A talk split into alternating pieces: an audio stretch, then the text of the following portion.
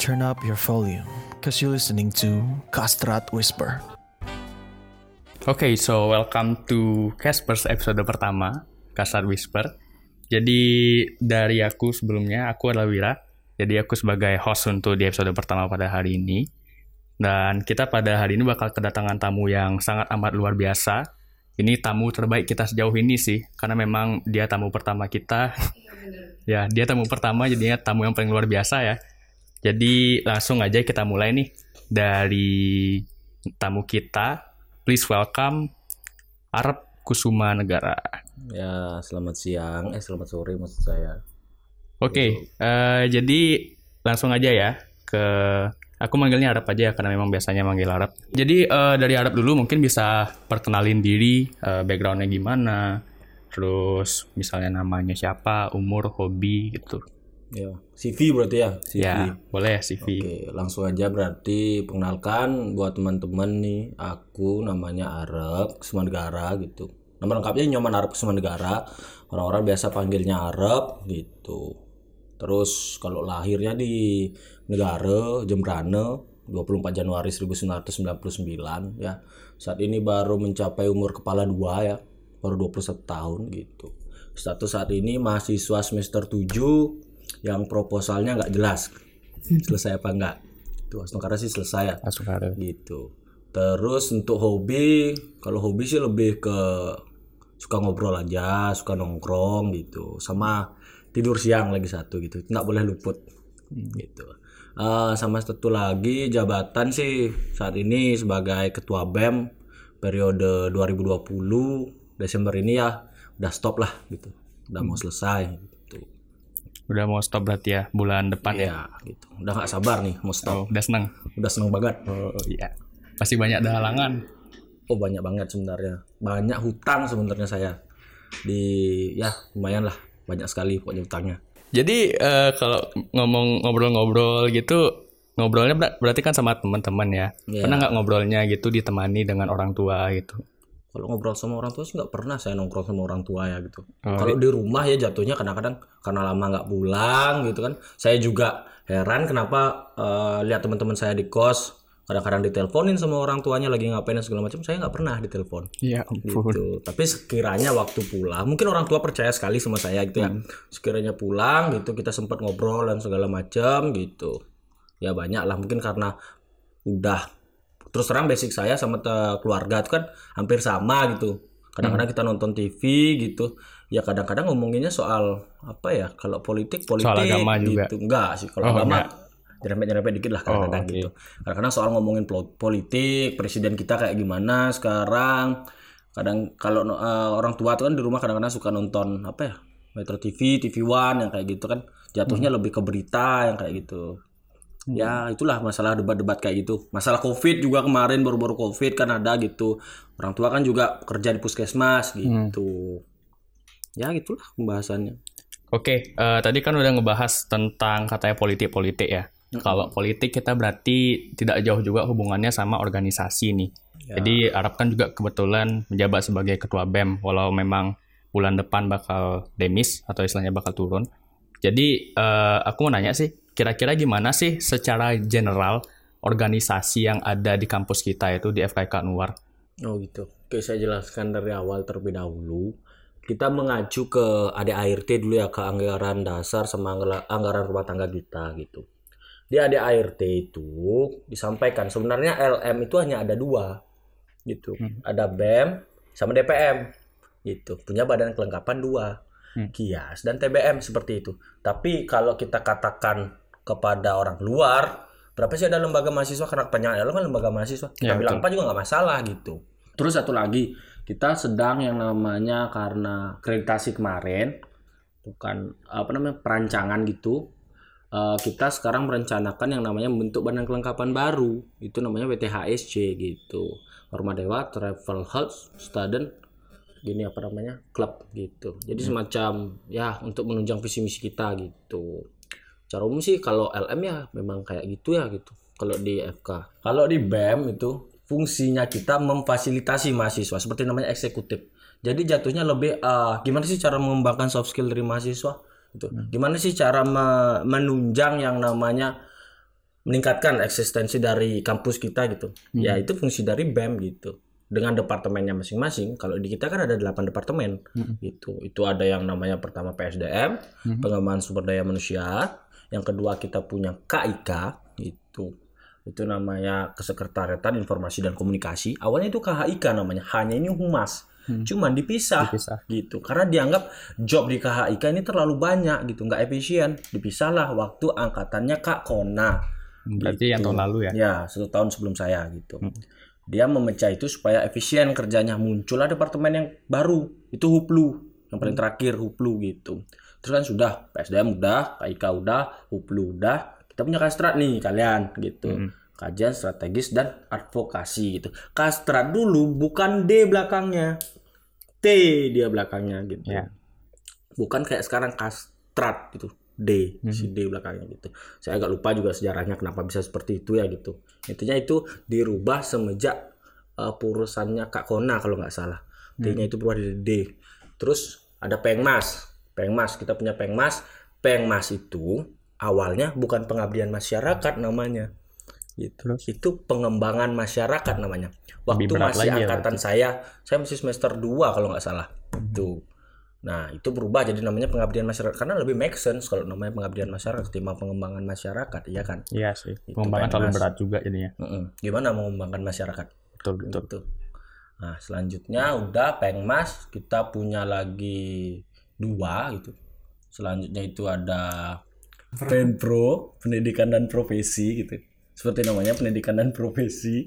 Jadi ya mereka fokusnya lebih ke apa ya? Lebih ke apa namanya? ilmu pengetahuan jatuhnya lebih ke akademik, lebih ke akademik mahasiswa gitu. Ya. Misalnya kalau kalian ingin ikut lomba, beasiswa, intinya yang menunjang soal uh, Secara akademis lah ya. Iya, secara akademis gitu. Misalnya kayak beasiswa kalian yang ngurus siapa Penpro yang bantu memfasilitasi gitu. Kalau kalian pengen ikut lomba soal pembinaan, Penpro juga yang bantu di sana gitu. Dan WTHSJ sekarang gitu karena itu jatuhkannya lebih jatuh ke gimana ya kayak memfokuskan orang-orang supaya siapa sih yang memang ingin belajar soal travel Travel health, health. gitu. Ah. Karena kita kan uh, divisi misi kita menggebu-gebukan gitu bahwa kita adalah universitas dan fakultas kedokteran yang memang apa namanya Mengedepankan fokusnya, kesehatan ya, mengedepankannya kesehatan pariwisata gitu. Makanya itu muncul gitu.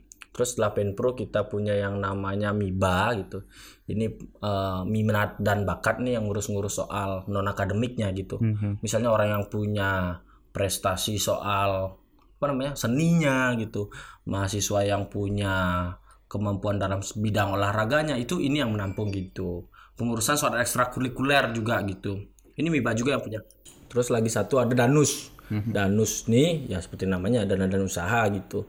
Fokus kerjanya memang menghasilkan uang gitu. Mencari cara bagaimana kita supaya bisa menghasilkan uang gitu. Kalau memang kita pengen buat kerjasama sama apa institusi-institusi tertentu, ya Danus juga yang kerjasama gitu. Entahkah bikin kontrak, entahkah yang namanya kerjasama dalam melaksanakan kegiatan, cari sponsor itu bisa lewat Danus sebenarnya. Penyediaan juga khususnya jaket yang kalian pakai, jaket alma mater itu yang warna hijau sama hitam itu Danus yang sediakan juga gitu.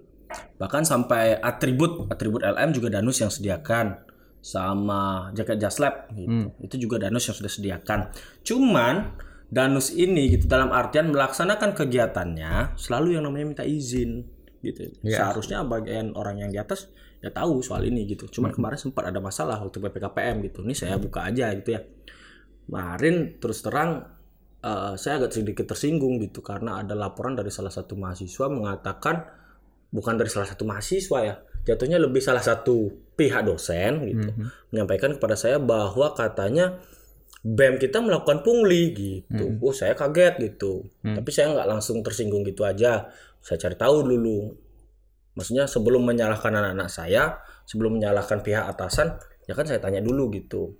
Tanya ke panitianya seperti apa gitu. Di samping kita banyak keluh kesah lah kemarin kan gitu. Apalagi dituduh seperti itu kan sama jelek ya gitu. Ibaratnya saya kayak jadi bapak gitu punya anak-anak. Kok anak-anak saya dibilang kayak gini kan gitu. Hmm, ya. Nanya saya sama anak-anak saya, bener kalian bilang gini? Mereka sampaikan sama saya bahwa nggak ada kok kak gitu. Hmm. Kita sudah kok koordinasi ke atas dan segala macam gitu. ya Karena miskom aja ya jadinya. mungkin karena miskom aja gitu dan eh, saya kan juga sering konsultasi sama wadek tiga saya gitu wadek tiga saya juga bilangnya kayak ini kok bisa ada info seperti ini juga gitu dia bilangnya gitu ternyata ada laporan dari salah satu pihak apa ya aku bilangnya Ya oknum aja lah sebutnya. ya kita anggap aja dia tenaga kerja yang di sana gitu Aha. punya anak yang bersekolah di fakultas kedokteran kita Mhm. dan mengatakan bahwa kita di Danus mewajibkan gitu Hmm. pada mahasiswa seluruhnya untuk membeli gitu. Hmm. Memang Danus kan nggak jual itu aja. Kita Iya sih. maksudnya kita menjual buku dalam artian kita memfasilitasi gitu. Bukan cuma sekedar cari untung. Kamu kalau mau gampang cari buku lewat kita bisa gitu maksudnya. Hmm. Bukan kayak dalam artian Oh sini harus beli di Danus Iya, gitu. Enggak, enggak kayak gitu. Kalau kamu mau beli di luar silahkan gitu. Kalau kamu memang sudah punya e-booknya silahkan gitu. Kita nggak masalah. Yang kita wajibkan hanya dua hal itu. Alma Mater sama Just Lab gitu. Itu yang dianggap kemarin. Mungkin ada beberapa oknum yang mengatakan bahwa minta uang sama orang tuanya. Mungkin ini menduga aja ya gitu. Minta uang sama orang tuanya pengen beli semua barang itu gitu. Ya kalau dibeli ya memang Padahal nggak ada banyak kewajiban banget gitu ya. jatuhnya tuh Kewajiban gitu, juga nggak gitu. ada. Hmm. Padahal kita nggak mewajibkan gitu. Toh berapa sih dalam artian jaket sama jas lab gitu. Hmm. Toh kita juga patok harga, patok harga harganya nggak nggak benar-benar memberatkan kok Hmm. saya rasa gitu loh. Karena masa sih kamu mahasiswa FK nggak punya jas alma mater? Apa kenang-kenanganmu gitu? Apa yang Iya kamu tunjukkan di luar gitu? Mm-mm. Jadi Jas itu labnya juga kalau kamu mau beli jas lab di luar silahkan aja saya nggak masalah gitu sebenarnya. Cuma di jas lab kita itu ada lambangnya. nggak cocok jadinya. ya. Iya gitu. Boleh aja sih sebenarnya gitu nggak masalah. Hmm. Gitu. Mm-mm. Kalau THC sih belum bisa saya ceritakan ya kita masih apa namanya masih apa namanya gabak-gabak kalau bahasa Balinya apa namanya saru gitu Ya, masih belum ada abu-abu gambaran kalau bahasa. Indonesia Ya. mungkin ya masih Tapi mungkin- belum jelas gitu. Sejalannya waktu juga sih. Mm-mm. Karena Iya, baru juga. gitu. Oke itu deh. aja sih. Eh, jadi eh, Arab ini kan pas awal-awal itu terpilih sebagai ketua BEM kan sebenarnya memang belum ada perkiraan kan. Ya. Tiba-tiba aja terpilih gitu kan. Mm-mm. Nah, dalam Benar hal sih. itu pastinya butuh kesiapan dan dalam kesiapan itu juga eh, pasti dari Arab ada planning gitu. Kayak organisasinya ini mau dibawa ke mana dalam satu depan dalam satu tahun setelah Arab itu terpilih menjadi ketua Hmm, BEM. Jadi ya. gimana sih planningnya kira-kira secara singkat? Oke, jadi kita ceritain nih awal. Aku nih sebenarnya orang pengmas yang tidak tahu soal administrasi apa-apa. Mungkin tahu administrasi ya soal pengajuan kegiatan aja ya, Hmm. karena pernah pegang PJ kegiatan waktu itu. Gitu. Jadi bener-bener minim. Kayak, aduh, mending nggak usah deh jadi ketua BEM. Gitu memang awalnya gitu loh. Hmm. Cuman waktu itu kan kita wawancara, wawancara, wawancara gitu. Ada salah satu teman sebenarnya saya nggak masuk ke nominasi itu gitu. Ini ada salah satu teman saya yang bilang gitu, siapa yang cocok jadi ketua BEM? Ini bener masuk ke telinga saya langsung gitu.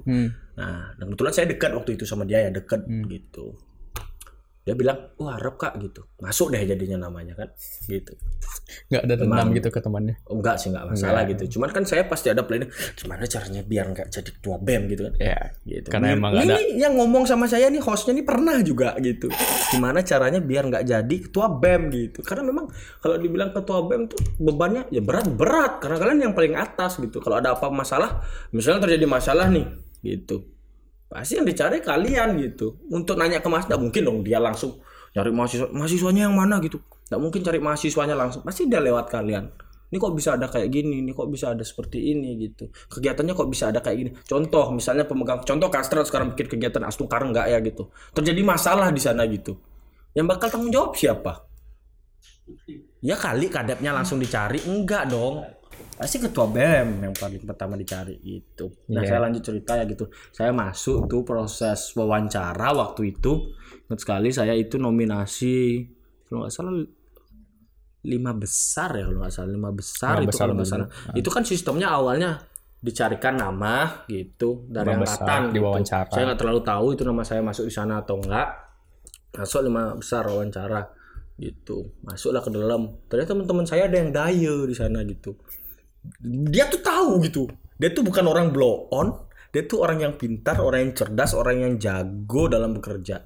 Cuman dia beranggapan bahwa eh, misalnya ditanya kayak gini semua kakak kelasnya. Waktu itu wawancaranya lumayan lumayan tegang ya walaupun kita kenal gitu. Jadi kalian duduk sendiri gini.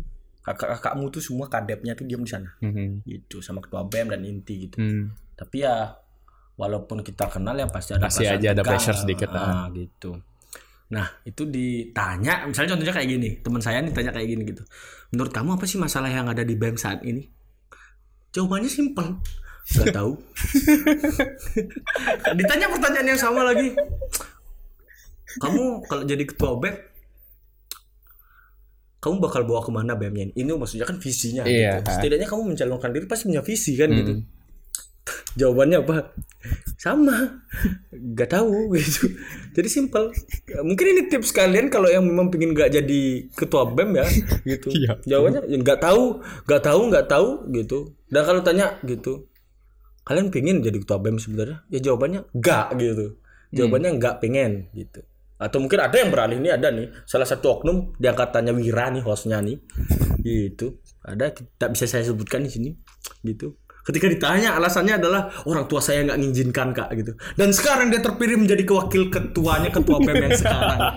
Kan kan lucu ya gitu ya lucu gitu. Tapi kalau ditanya lagi gitu "Oh, orang terpaksa kak gitu jawabannya. Ya memang kayak gitu sih. Tapi memang coba sih siapa sih yang mau jadi ketua BEM Gitu. mungkin ada sih beberapa orang yang memang Ya.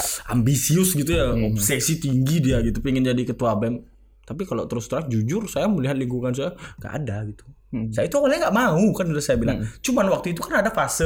Nah kan wawancara gitu. Oh di wawancara tuh saya masih sebenarnya punya feeling untuk tidak pengen gitu. Ditanya gitu kamu mau pengen bawa ke mana nih? Bemnya kayak gitu. Ya aku jawabnya diplomasi kan gitu. Karena emang gak kepikiran waktu itu. Hmm. Gitu. ya saya nggak tahu mau bawa ke mana kayak gitu. Mungkin saat ini belum kepikiran gitu. Itu aku jawabnya awal gitu. Terus ditanya gitu kamu siap nggak jadi ketua BEM kamu sanggup mau jadi ketua BEM? Nah saya tercetus lah gitu pikiran. Kalau saya jatuh jadi ketua BEM harus ada yang dampingin saya gitu. Harus ada orang yang gimana ya yang bisa bikin saya Iya, kan iya. gitu nah, mungkin dong aku maju ke jurang gitu aja kan gitu. Harus ada dong tangganya harus ada gitu talinya atau apa gitu. Balik aku bilang kayak gini kak saya mau jadi ketua BEM. Tapi tak gitu ya. tapi Hmm. wakil saya harus Dufan tak gitu ya. Dufan waktu itu kan menjabat jadi wakil ketua dua. Hmm. Iya, Dan dia jadi paham calon soal juga. Semuanya yang ada di sana gitu. Dan dia calon saya juga, teman tidur saya juga gitu. Satu circle sama teman saya tidur. juga.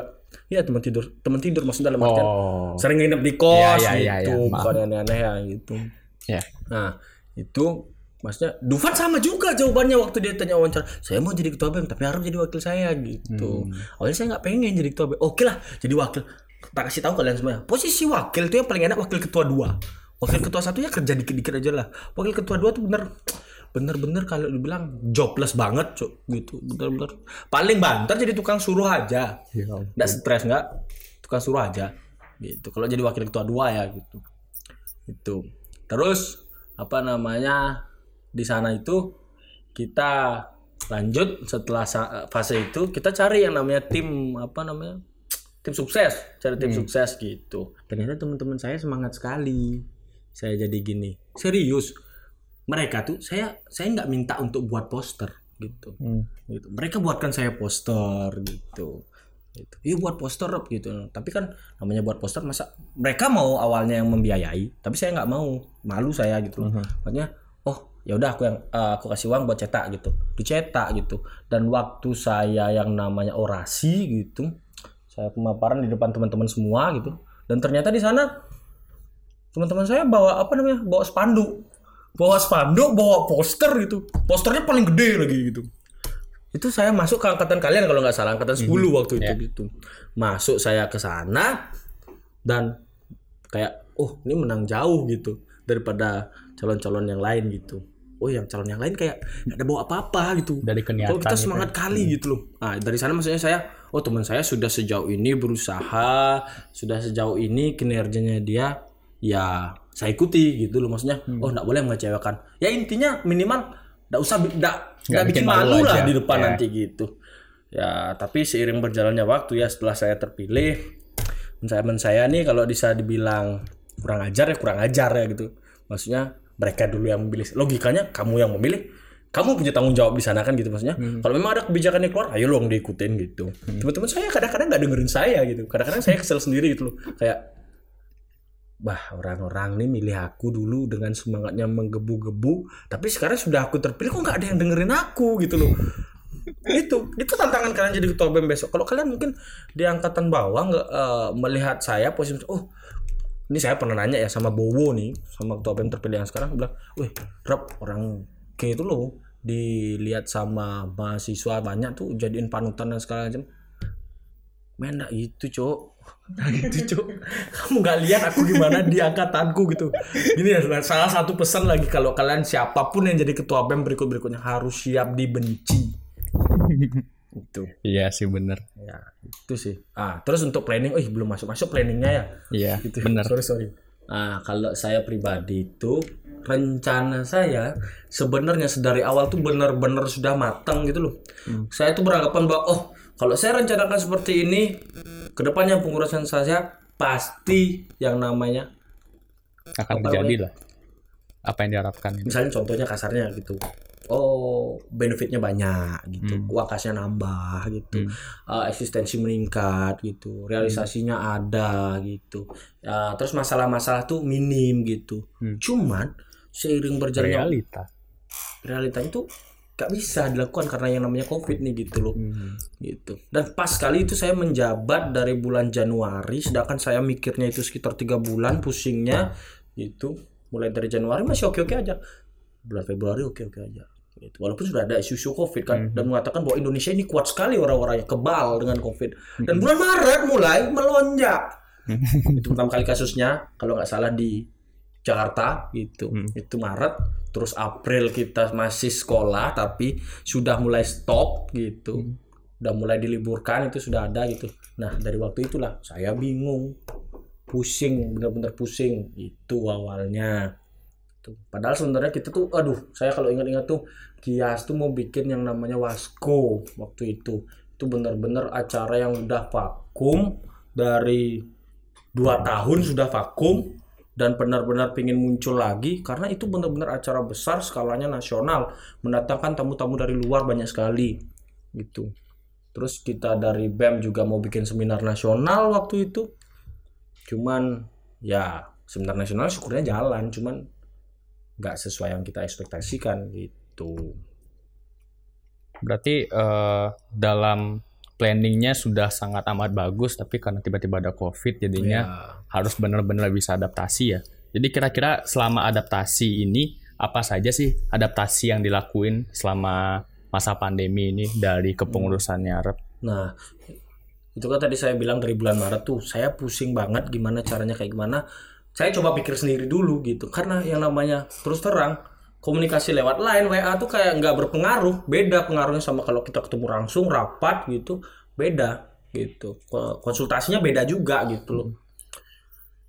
Waktu itu saya coba bicara sama inti BEM dulu gitu. Inti BEM bingung juga bakal kayak gimana gitu saya nggak tahu juga masalah di departemen-departemen kan bakal kayak gimana. Nah waktu itu saya langsung adakan rapat. Waktu itu kalau nggak salah WLMD rasanya jatuhnya. Eh nggak, itu pertempatan Maret. Saya ambil di triwulan.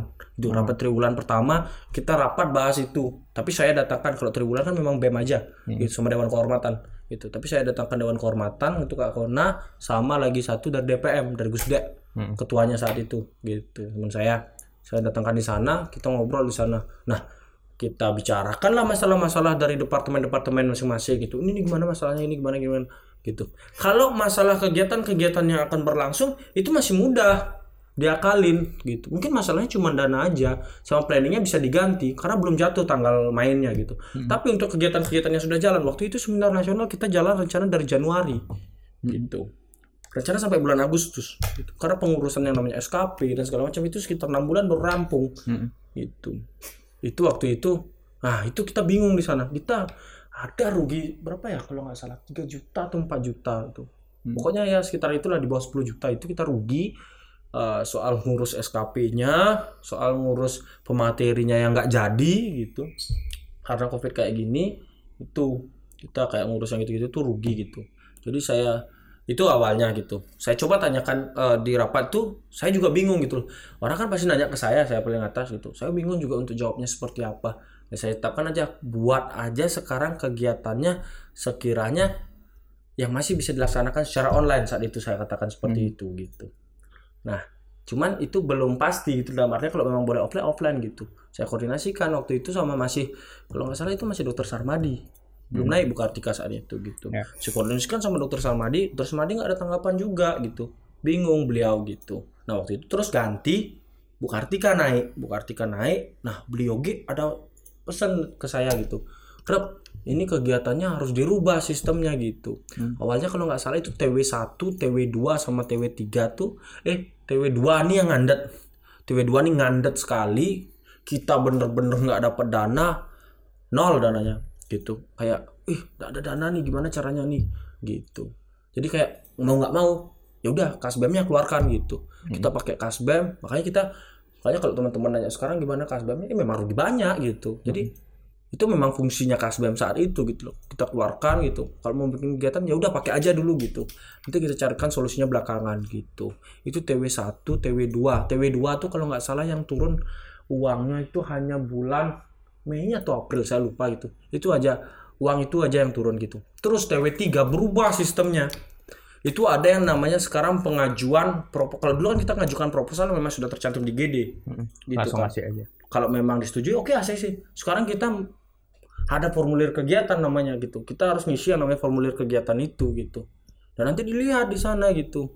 Kalau memang ROB-nya sesuai kalau emang kegiatannya jalan bagus dampaknya baru disetujui. Kalau enggak ya udah enggak gitu. Itu waktu itu ya dicoret-coret dananya banyak gitu turun segala macam bingung kayak gimana gitu. Ya mau nggak mau kalau nutupinnya pakai kasbem lagi gitu. Planningnya sih lebih ke kalau saya boleh bilang intinya kayak gimana sih caranya kalau memang saat itu kita kena masalah gitu. Ya kayak tadi tak bilang tuh kayak masalahnya nggak cuma karena covid itu itu terjadi juga yang namanya perubahan kebijakan di atas gitu. Jadi kita harus cepat juga gitu kayak planning misalnya oh kegiatan ini yang awalnya offline rencananya kita rubah jadi online gitu. Waktu itu hari tematik kayak gitu juga kan. Planning kita luar biasa besar gitu loh. Berjalan selama satu tahun di mana kita akan membina yang namanya sekolah. Sekolah gitu UKS itu kan fungsinya awalnya. Di samping kita apa mengangkat yang namanya tema hari apa ayo minum air tuh loh Amir tuh ayo minum air sama hari kesehatan eh, kesehatan nasional kalau nggak salah. Itu rencananya waktu itu itu cuman itu nggak nggak bisa kita laksanakan offline. Jadi online gitu aja gitu. Dan kita rubah itu jadi seminar. Itu contohnya. Kayak gitu. kegiatan-kegiatan offline yang tadi kita nggak bisa jalankan ya kita harus ganti online. Setidaknya ada dampak buat masyarakat gitu. Dan waktu itu karena waktu itu zaman-zaman covid dan ada isu-isu juga bahwa tenaga-tenaga kesehatan baik di rumah sakit dan di puskesmas itu mengalami kekurangan apa namanya APD Mhm. itu sempat kita juga bikin gitu gercep gitu. Mungkin nanti itu aja sih yang bisa tak bilang. Kita bikin kegiatan semacam apa ya nyumbang APD itu itu nggak sendiri. Itu itu syukurnya nggak sendiri kita ya. Kalau sendiri lumayan kagok gitu. Itu skalanya provinsi. Itu di sana ada teman-teman kita dari UNUD ada teman-teman kita dari Undiksa. Kita bertiga bikin semacam panitia kecil gitu. Di sana lebar nanti ngirim ke rumah sakit rumah sakit rujukan gitu mungkin itu aja sih planning planningnya intinya gitulah. Kalau kalian ketemu masalah kayak covid nih gimana sih caranya planning biar bisa merubah ini? Ya kegiatan yang offline tuh dirubah jadi online. Masalah dananya ya pakai kasbem saya. Gitu. Kalau memang dananya bisa turun lewat fakultas ya Stungkara di ACC ya turun turun gitu Jadi eh, pas eh, apa pas transisi lagi offline terus ke pandemi itu kan dapat bingung. Ya dan dapat bingung itu eh, pernah nggak sih Arab eh, dapat masuk ke masa-masa vakum gitu? Kayak tiba-tiba nggak vakum. ngurusin eh, karena saking bingungnya jadinya nggak ya bingung mau ngapain jadinya ya vakum diam gitu. Kalau stagnan. kalau pengertian vakum sih benar-benar nggak ada kegiatan ya gitu. Mm. Kalau mungkin mahasiswa lihat nih, nih jujur saya curhat nih gitu. Kalau mahasiswa kadang-kadang saya juga tersinggung gitu. Teman saya sempat kayak gitu gimana nih BEM-nya nggak ada kerjaan gitu macam. saya tersinggung sebenarnya kalau dibilang kayak gitu. Saya itu walaupun waktu itu tidak ada yang namanya pekerjaan kita kan vakum lumayan bingung itu TW2 yang tak bilang tadi itu kan gitu. Kalau dibilang vakum oke lah boleh dibilang vakum. Tapi itu benar-benar nggak nol gitu loh maksudnya. Mungkin beberapa bulan sekitar satu atau dua bulan itu satu setengah bulan lah kalau nggak salah itu saya bingung bener-bener bingung gimana caranya ngerombak ini gitu. Belum lagi mengkomunikasikan ke bawah lagi ke anak-anak yang lain gitu. Gimana sistemnya sekarang? Itu lumayan tuh. Untuk administrasinya tuh lumayan ke atas bawah tuh agak ya gimana ya agak belibet. Nggak sesuai dengan birokrasi yang ada gitu. Karena tiba-tiba yang awalnya A tiba-tiba jadi B gitu. Tanpa ada pemberitahuan yang jelas gitu. Misalnya kita tanyakan ke sumber A bilangnya ini. Ke sumber B bilangnya lain lagi gitu itu yang bikin bingung waktu itu gitu jadi waktu itu saya coba daripada nggak ngapa-ngapain sama sekali coba aja deh aju-ajuin gitu Hmm. Nah, seiring kita ngaju-ngajuin itu kan, oh ini salahnya di sini, oh ini salahnya di sini, oh ini salahnya di sini. Dari sana tahu jadinya, oh ternyata yang minta sama fakultas kayak gini gitu. Dari sana kita tahu gitu. Baru saya usulkan ke fakultas juga. Ah, waktu itu kan sempat sama kalian juga kan. Kalau memang seperti ini, kenapa nggak SPP-nya? Masalah SPP waktu itu kan gitu. Hmm.